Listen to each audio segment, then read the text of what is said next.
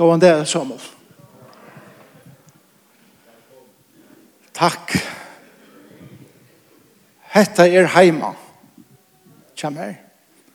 Og kjalt om uh, jeg er kanskje sin legg, legg bort nå, så er, er hetta jeg vil heima. Og det er deilig, så ikke at jeg kun, og det er deilig alltid at jeg vil her, Lyga og Arne byrja tala, så kan jeg lyga bare luta vitt om hver jeg er i bæt Um, Jeg har jo arbeidene av Trimon uh, Bojon i Europa, og til arbeid som vi gjør, vi Billy Graham uh, versen bæt nu. Min rolla er blivet meira iverordna, uh, meira leiande i imenskom bojon, så jeg fikk ved meir enn jeg gjør i Arne, og har jo arbeidene fyrir alt det som er i undervisning og kommunikasjon, er visjon, er gjerra, da det kommer til det arbeid som vi gjør i Europa. Så bare nå, uh, hette og ære, alt som det er, vi er mest stasjoneret i Rom, i Italia. Uh, det gikk så mye vel i Milan, og at romverger ville ha kommet til Rom eisene. Så det er uh, øyne størst. Annars så arbeider jeg eisene i Köln og i Tyskland og i Krakow, og i Polen, og i Ar.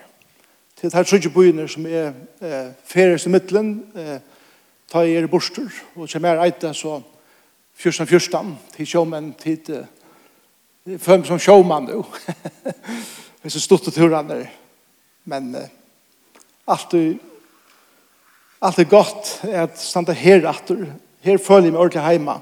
Jag stannar en ekon talarsalon och som ofta så er det vi tolkjen, vi tar oss nu, men det är som är fra, fra tog at, at uh, skulle være tolkaver. Kanskje burde jo først være tolkaver, ta i detalje her eisene, så så folk skiljer meg som det bedre eisene. Men jeg vil legge bia sammen, og bia herren om at uh, sikna sitt år, og jeg vet at han langt og signar det som vi heva sunnkje i morgen og det som vi har hørst og det som bøttene høyra og det som de hørte her til løtene de var her at uh, Helianten skal teka til lytle frægene og, og festa deg i gjørsten av bøttenen og okkur vi så at det vekser til det som Herren innskjører han skal gjøre borsdur tøy. Takk Herre Jesus for at uh, jeg kan være her i det. Og jeg takker for disse fantastiske menneskene som er du her og hugsa eisen til som kanskje ikke kunne være her der, men høyre til familiene. Jeg ber om at du vil uh, signa til et år som vi uh, hitja er tog.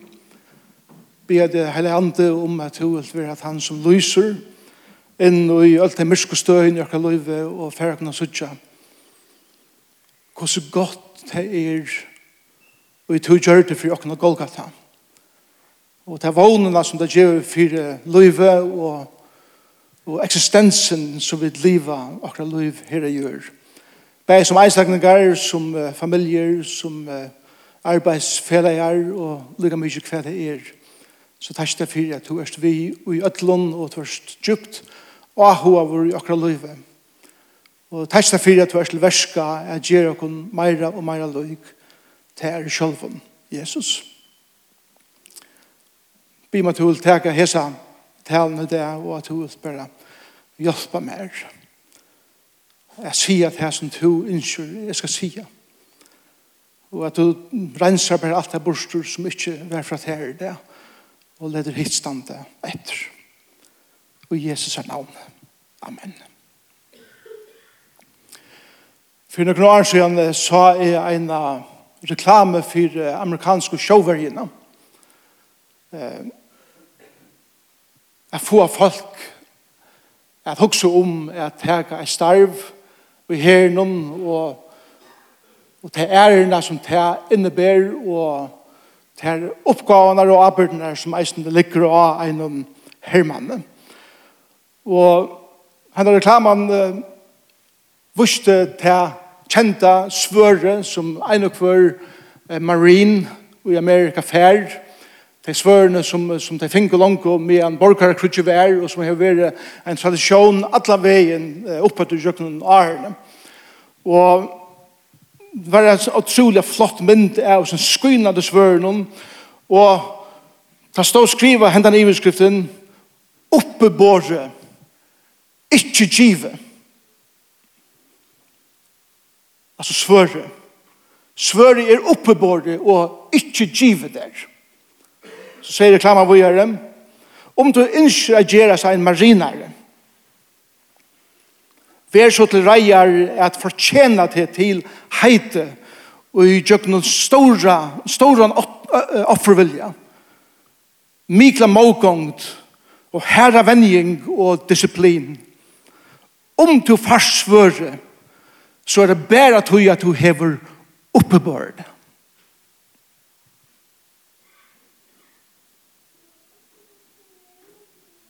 Først jeg huksa hjem, da jeg så der, var, å, er glad for at hatt hattar ikke er reklama for evangeliet. Hugsa du kanskje hvis Jesus var her og det, og han sier vi, vi åkne ødel, Hvis du først frelsene, så er det tog at du har oppebord det, og du har arbeidt hardt for han. Så i ønsken er åkken, sitte her vi vågn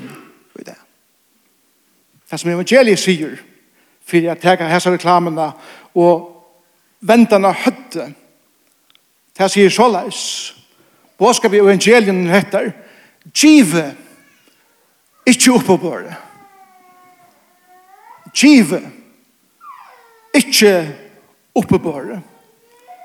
Du kanst ikke frelse at hun egnet sal, og Gud vil ikke frelse negran, som han negran hatt røyner at vinna seg fram til og tessvekkene heva oppebore frelsene. Men best hei som i eimugleik at hege måten nøyene vi trygg av Jesus Kristus og det fullgjørte verset som han gjør det av Golgata. Om du fast her, så er det tog at du har tidsi i måte nøkron som du ikke hever oppebør. Amen. Hatt det er den bådskapen som vi hever. Og det er innskje er at så einfalt som vi kan er at endurtega evangeliet. Og vi er jo så røyene som vi kallar for nøye løyve. Men vi kommer anka du at liva nøye løyve til fullnar utan så at vi skilja evangeliet og skilja hva det er som Jesus gjør det fyrir okna krossen og skilja hva det er for støva som vi skilja Våre ui, etla møvlig anker i det her inne, etla som ser meg og kjører noen, er ui at du er ikke kommet til Jesus enn. Og du erst i en fortaptum, vilstun tilstande i livet som bare Jesus kan ratta og gjøre til suttbaden. Vi elskar å utløse søvnar. Ein er forvarte, ein prinsur og ein prinsessa. Ein er forvarte, Og vi elskar å komme attor til til søvnar. Og til fleste søvnar her var plott. Plottet er at det er nekka som hendur, og det ser øyla vanlukt ut, og ser øyla godt ut, men ångsen er ta i leikeren eller filmen er kommet en trying her alai, så hender okkur som gjer at vånden brast, og det blir en øyelig strøy om kvann ve og i det fer, inntil kurser i eventyren, at alt blei godt, og det enda er vel. Så det er viktig for åkne for at det blir gjerne eisende og hesten eventyren som eitir evangeliet, som eitir eksistensen av menneskene, Og vi tar kanskje hoa fer atter til første Mosebok og lesa og opphav skapte god himmel gjør, men søvann teker dere langer atter enn det. Vi må fer til Johannes 1, 1, 4 fer atter til Brianna, og i opphav var året. Og året var tja gode, og, og året var god.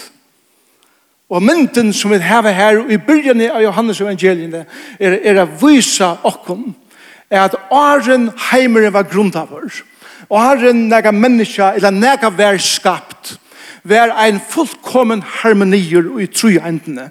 God feir, god soner og god heileande, som alltid har eksistera, som alltid fer at vera og i fullkommen harmoniskun einleika og djupun karleika til hver annan. God er ikke bruk for å skapa okkon til at han vær så ensam. God har ikke bruk for at skapa okkon til at han sakna i okkurst. Tror jeg enten er og vær fullkommen. Men God skapte menneskene vi tror for eia er bjóa okkon inn i den fullkomla einleikan og den fullkomna karleikan som vær langt ut tror jeg enten. Og skapte seg utrolig karmanar som vi hava et liv og i som eitur skapana. Og mynden som vi sørger fyrir okken ui, ta med første kapitlen og ui, første Mosebok er hettar, er at, at god bjóa dem er kommet inn i hendan einleikan. Men hva hender? Vi var på igjen er sida til bors vi trujentene, og vi får hese innbjørnsene, og vi teka hese innbjørnsene, og vi blækane i høtte av god til atter, og vi færa og reisa kon, og vi smekka horen atter, og sier god, har vi ikke alit av tærs. Jeg har ikke alit av at djeva mitt liv iver til tøyen. Jeg skal klare dette sjølver. Jeg skal klare dette sjølv. Og det som hender ta og et menneske sier til at god, jeg vil ikke alle det her. Jeg skal er til at vi ser dere kunne god sted. Og vi blir akkurat noe god der. Og vi blir akkurat noe herrer. Ikke vidende at vi er utefrist. Og vi er vilst. Og vi er fortapt mennesker.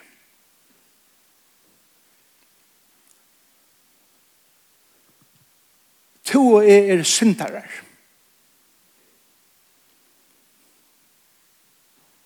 Synd er ikke det som to og er gjerra. Atler her synda fotogerna som er fotler i okkara gerande steg. Det er bare symptomer av det som verlig er nere i hjertet dypen av okken. Og det er etter at jeg har sett god til suje som bjør er meg nær. En tjekk er kommet mittel med og god som ene han kan få i rattle etter lika mykje hvordan jeg er røyne. Og allar mine synder som jeg gjør, all de tingene som jeg røyne er verja med vi, er vi tog for eia at røyne at verja mine makt og min kontroll som jeg har det som jeg røyne at heve i min liv.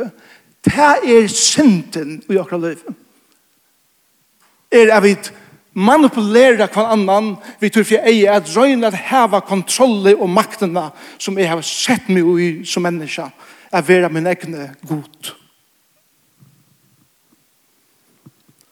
og vi er fortapt.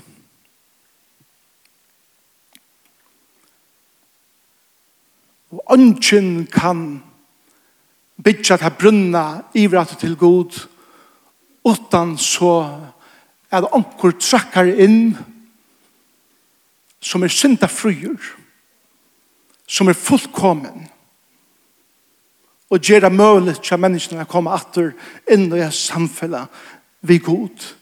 Inn i de innbjørnsene som god for første tog bjør jeg menneskene å komme og jeg forhold viser selv.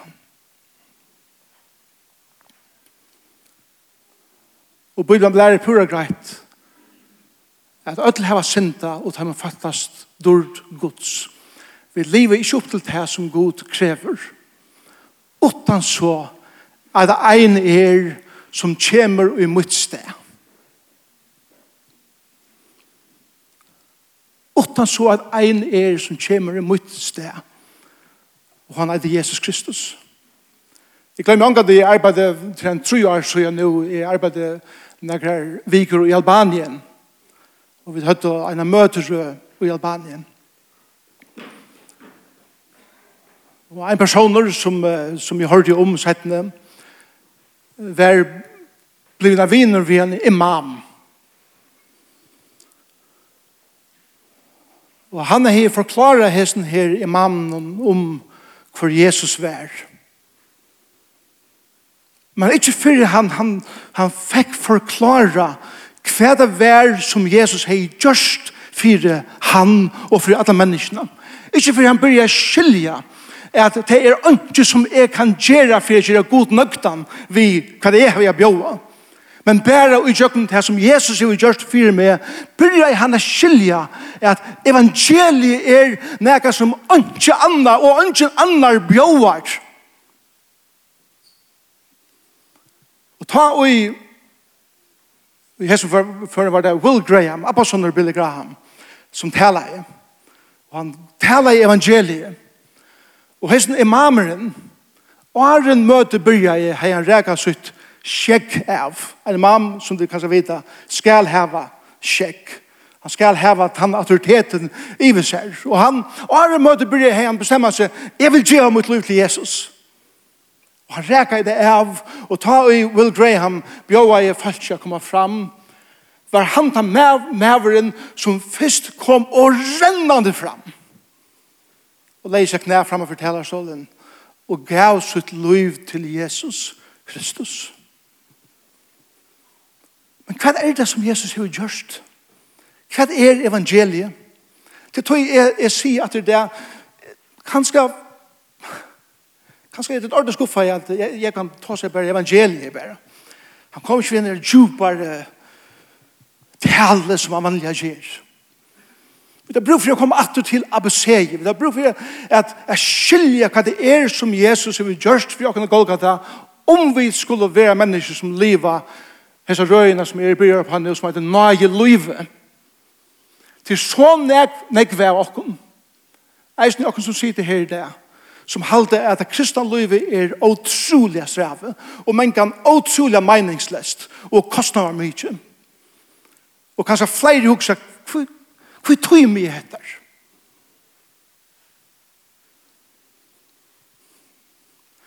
Og det smeira vi byrja skilja hva det er som Jesus har gjort fyrir meg og Golgata. Og det smeira er smatje hva det er å være fortapter og vågneiser i løyvenen. Det smeira for jeg tror etter at livet mitt liv i nøyen. Som ikke bare frelser meg, men som hjelper meg å leve kvann det og i til samme avliten av Jesus resten av min liv. Ikke være opptidsen av bare at han min gavene som han skal gjøre meg, men være opptidsen av hånden, gjeveren og komme inn i et forhold, djupt og innelitt forhold vi han, Lyga mykje hos lyve tjokken nu enn fyr ser ut. Og tog har vi valgt det jeg forteller deg om jeg sender om hettar som Paulus og ærer som, som skriver Nudja testamentet røyne er få åkne skilje. og fyrir vi skal skilje evangeliet så, så brukte det her mynter og til videre at ene kvar går eh, kommunikator kommunikator tåsar nekv i mynden, så er det folk skilja. Mynder fra gjerande stenen som folk liva vanliga ui og husast ui, så er det folk sier, ah, hatt skilja ordelig vel til i livet mitt ui ui. Og det var det som eh, høvendene av nødvendig som heter Gjørto, for jeg hjelper å skilja, hva er det som Jesus har gjørst? Hva er det som er så størst ui hese frelsene? Og så har jeg valgt å bruke og, og få fram nekker at han var mynden om. Ta og Jesus kom til gjerder. Og han levde til livet som god feiren kravte til fullkomna livet. Og han får ut av Golgata, ensamadler til at ingen annen kunne gjøre det utan ham. Og han spredte sine armar ut av krossen og let seg Ikke bare stinke ut utjøkken hender føtter, men tog vreiene som god her mot det synd og av seg sjølvan og betalte prysen som er og to eia er at betale. Hvordan forklarer Nye testamentet det som hendte ta og Jesus røpte av krossen det er fullkjørst. Det første er en mynd fra Rattarskjælen. Vi tar av her her, vi tar av folk som er sækfører her, til kjenna alle disse myndene. At det er en som er sikker, og all prekven er til styr, til ønsken evig om at domeren er galtande for henne personen, og domeren fettler. Men det som er så utroligt vi evangelien, er til at domaren sjølver, som sitter i, i sin hasade vi, sin hemmar, og skal fettla domen, og sier vi hendan akarda som er prekvavur sekur. At det gjevet her en av nudja støv fyrir meg sjálfum og til et her at han støvan er til at to fra nu av være roknavur fyrir osekur til noen andar skal teka tyna straff. Domare sier faktisk sjølver, jeg skal teka tyna straff. Jeg skal gjalda for det som to eier er gjalda. Jeg skal letja det fram som to eier er letja fram. Som to ångan og ångan hatt hever møvleikar for jeg betala atter. Skal jeg teka meg av. Og til det som Bibelen kallar for rattvis gjerringen. Til ein som er orattviser som verer eklæravur rattviser. Til god tog og ase tann kostnaden og betalte ham for jeg kunne si jeg har tid til å straffe av meg selv og to er her vi setter fryer to er ikke bare setter fryer men to er erklærer mot baden min soner og min døtter Brygvene iver om hese he, he, he, he, he, he, he, he, he, he, er bygd til tøyn a genka i vrum. Til at du har kjørt rattur i Guds egen, til at god hikker et sønnen sånn, som er rattviser.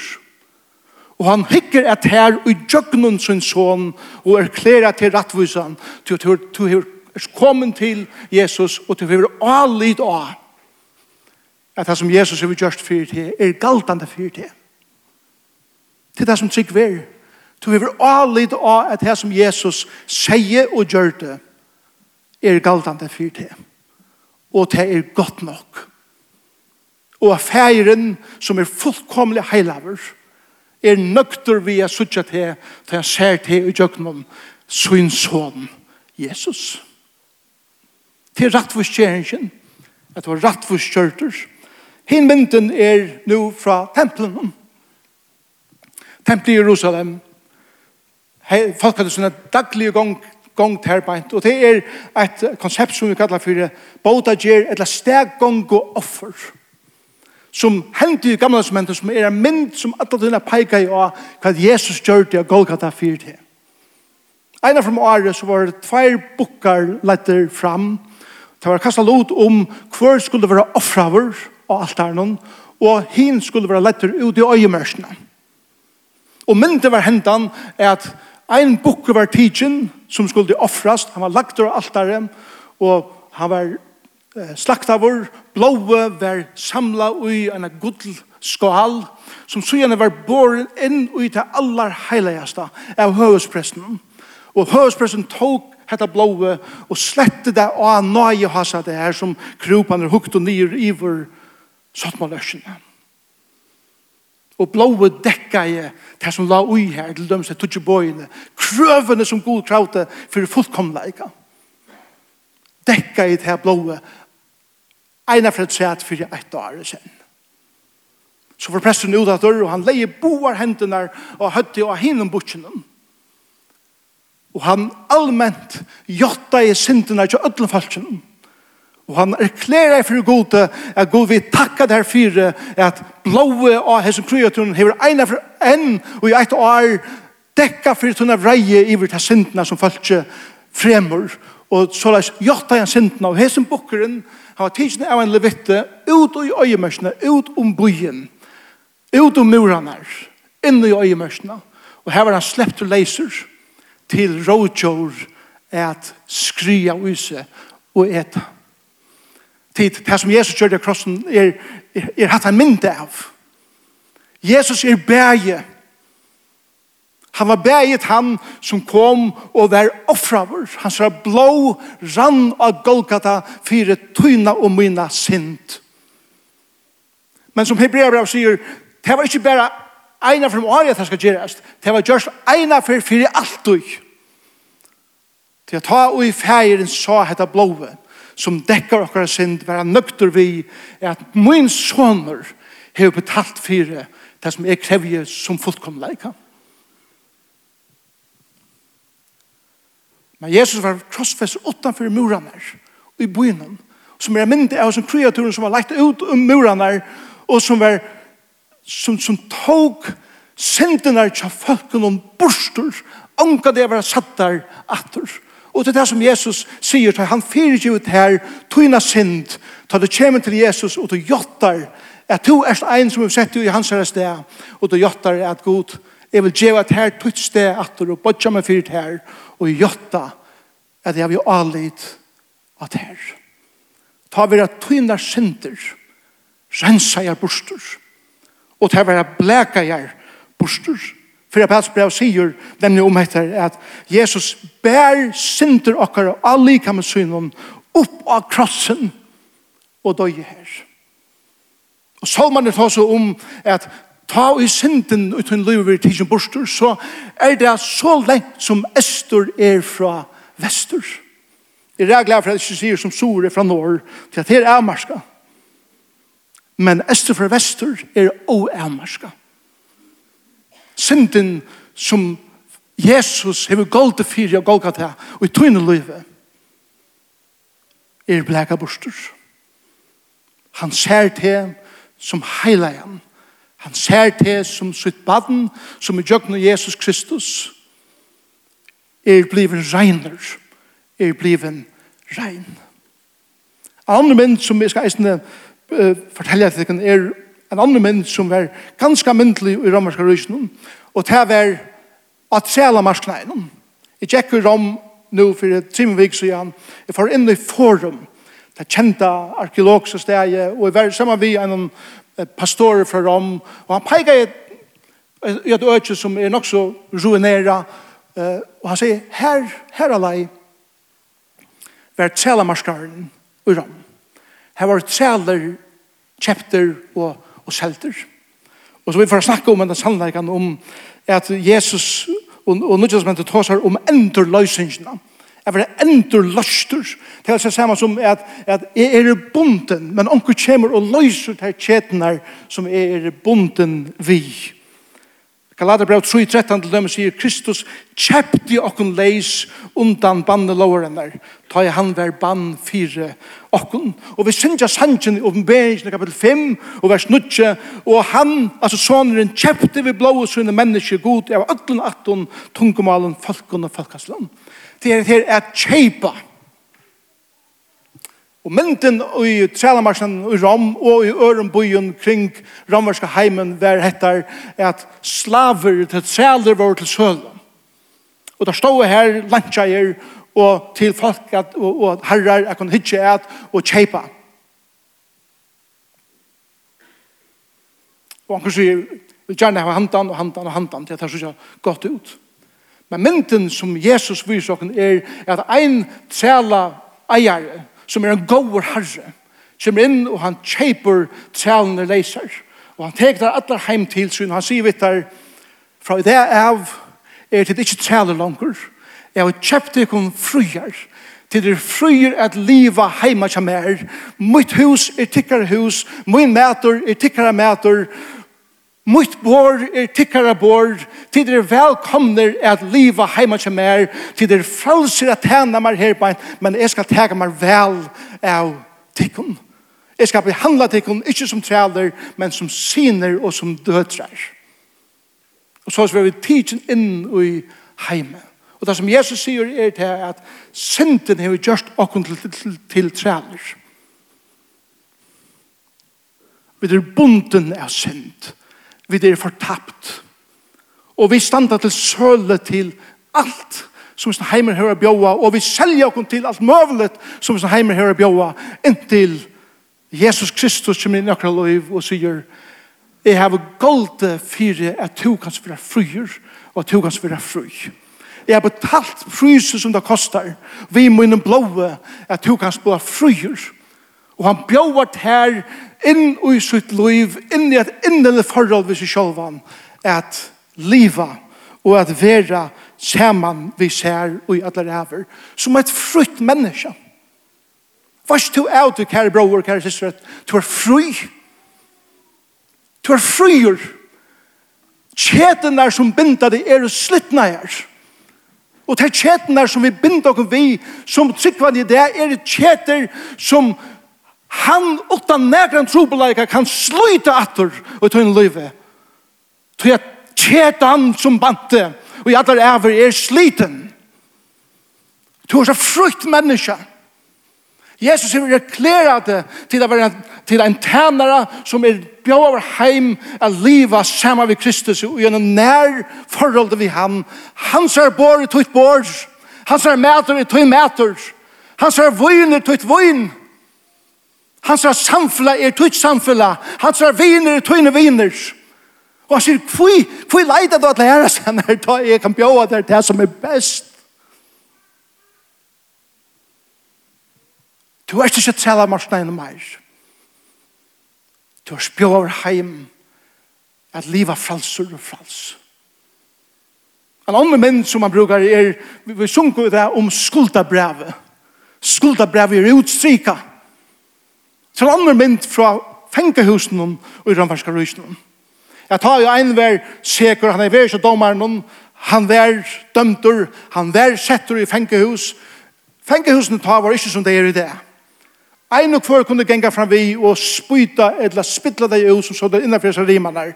Og om man, om man fyre rimanar vær skriva og i en rød av tingene hva det er som hesen personen er dømt til fire.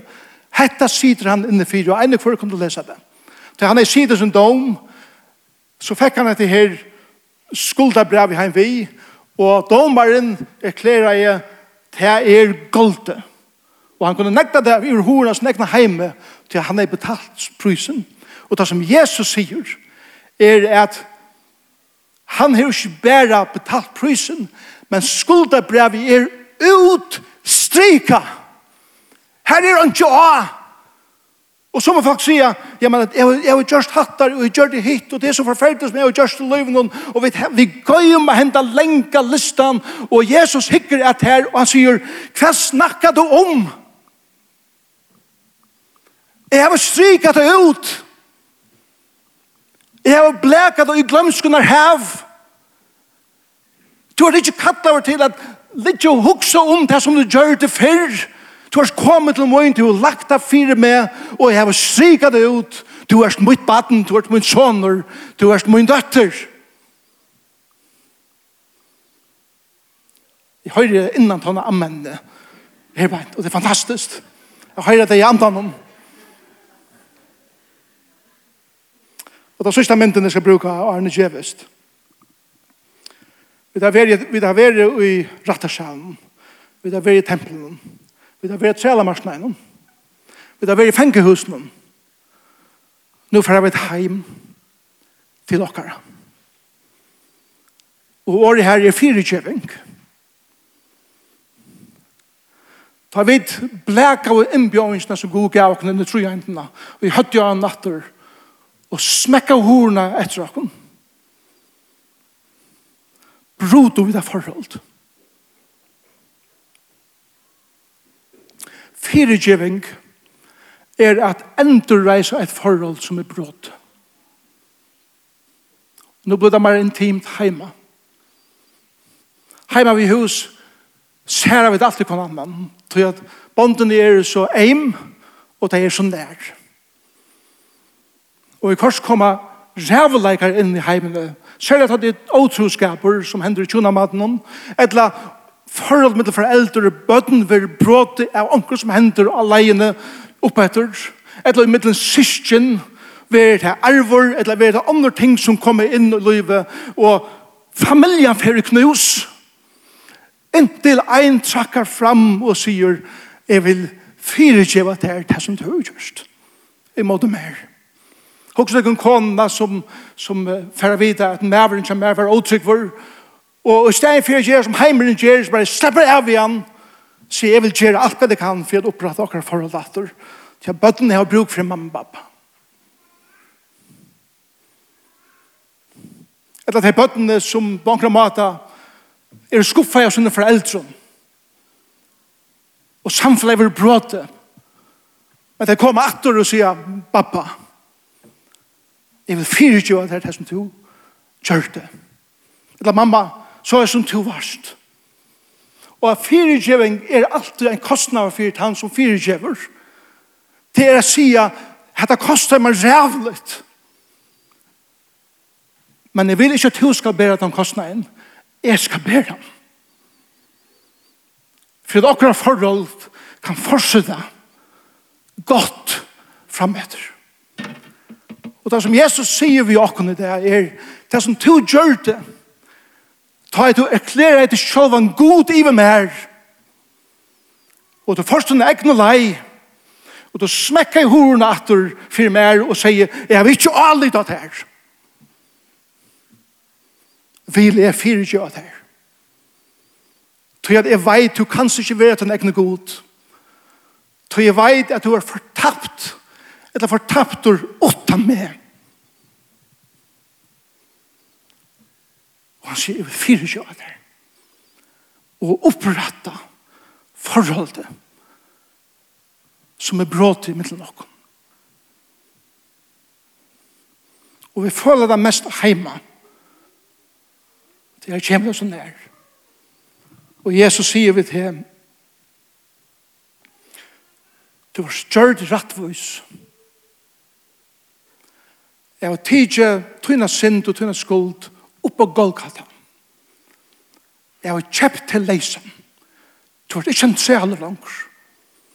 Jeg har tidje skuldabrev og listan og fullkomlega viskan ut. Og jeg har fyrir givet her alt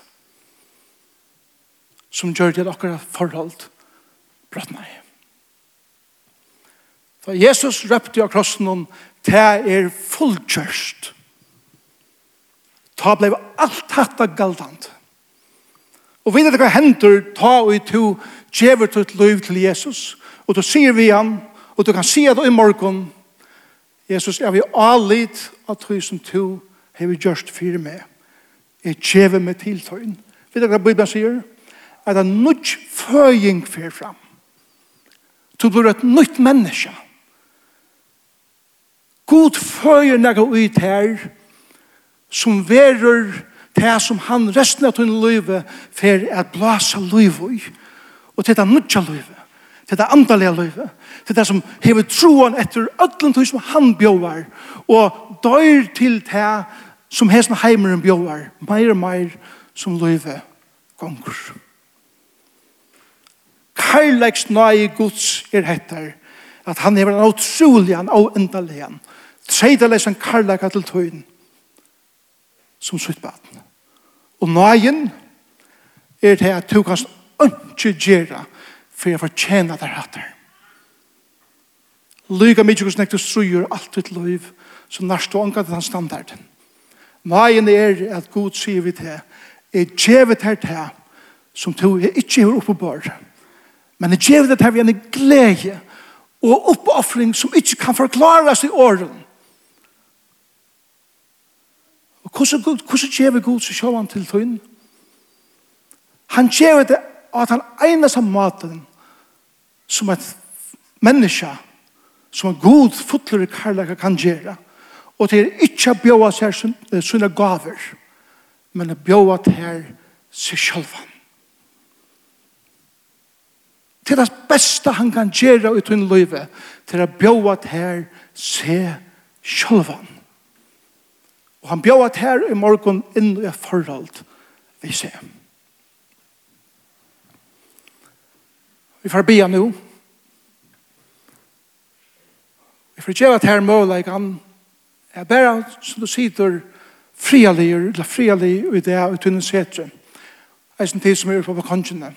Tid som hitja i sjåmarfnen. Hesa løtene, hver til så erst. Hver til så sitter eller gonger Jeg sier ved Jesus, jeg har rønt av være min egne god, jeg klarer mitt egne liv, men det gonger unga vi. Jeg har vi allit av at det som to gjør det og Golgata krosset for meg, er nok. Er nok. Er fullkomne. Og du gjør det givet til Jesus, og du sier takk for at du døg for meg av krossen, og og bjóar honom inn i ditt liv. Og han trakkar inn i ditt liv og heldur sunne lyfte fyrir þær. Slå bia saman. Kanskje vi kunne bare køyra egin i atter og botja høtte nyer.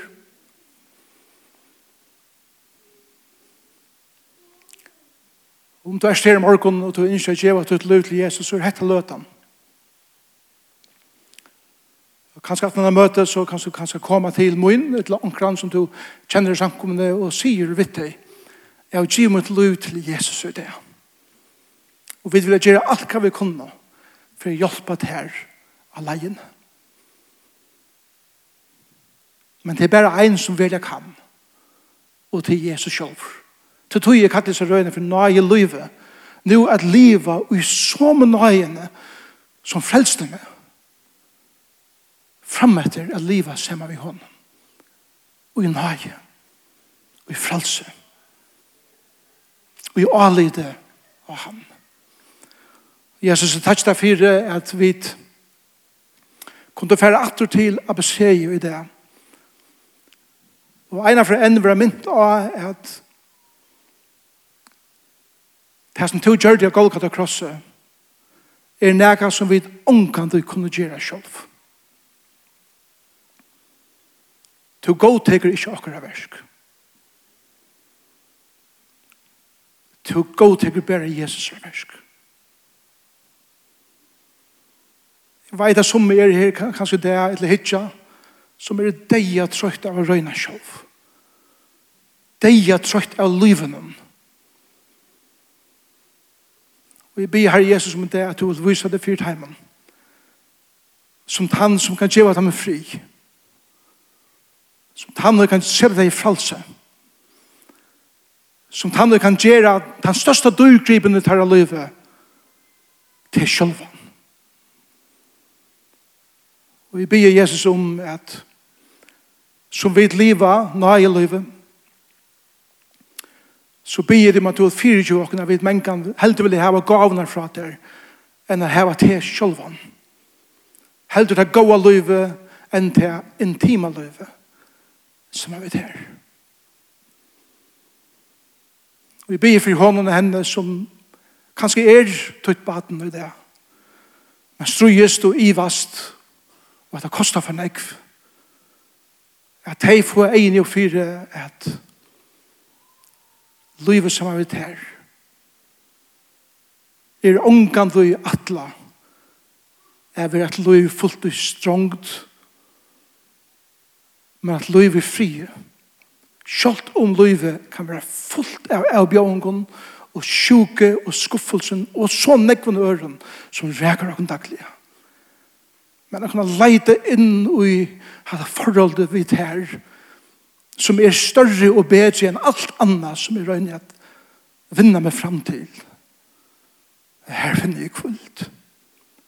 Her finner jeg fri. Jesus, jeg blir om at du utbærer. Det er gjennom bådskapen til. Plantan i akkurat gjørst. Ongan det gløyma nøyene. Ongan det halta at om jeg får i svøre så det tror jeg det er vi arbeid for det. Nei, det er mer kjive. Og jeg tar det måte du vi alle til å at Jesus er nok. Og i Jesus er navnet. Amen. Amen. Herren sikken til kun. Kunne vi synge en sang av denne? Og som vi synger av sangen, så får jeg be deg om ikke at for jeg steg, og så tid må. Men brukar så løtna meg og synsjenda sannsjen at huksa om det og hør det som anden sier vi til just nu. Anden er til stier her det. God innskje at bjóa tar inn i samfunnet vi ser av nudjum. Lorsta hva han sier vitt det. Lorsta hva han nemer vi til vi og i tøyne livet. Og djev det. Iver djev det til han av nudjum. Gjev ditt liv til Jesus. Kom atter til Jesus, du som er ferdig lei, og du langt til det at du langest atter. Kom. Trakke inn i til livet som er fyllt av fralse. Innelighet. Nøgtsemme.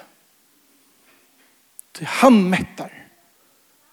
Det som ønske anna og ønske annar kan metta. Herren signe deg kun ødel.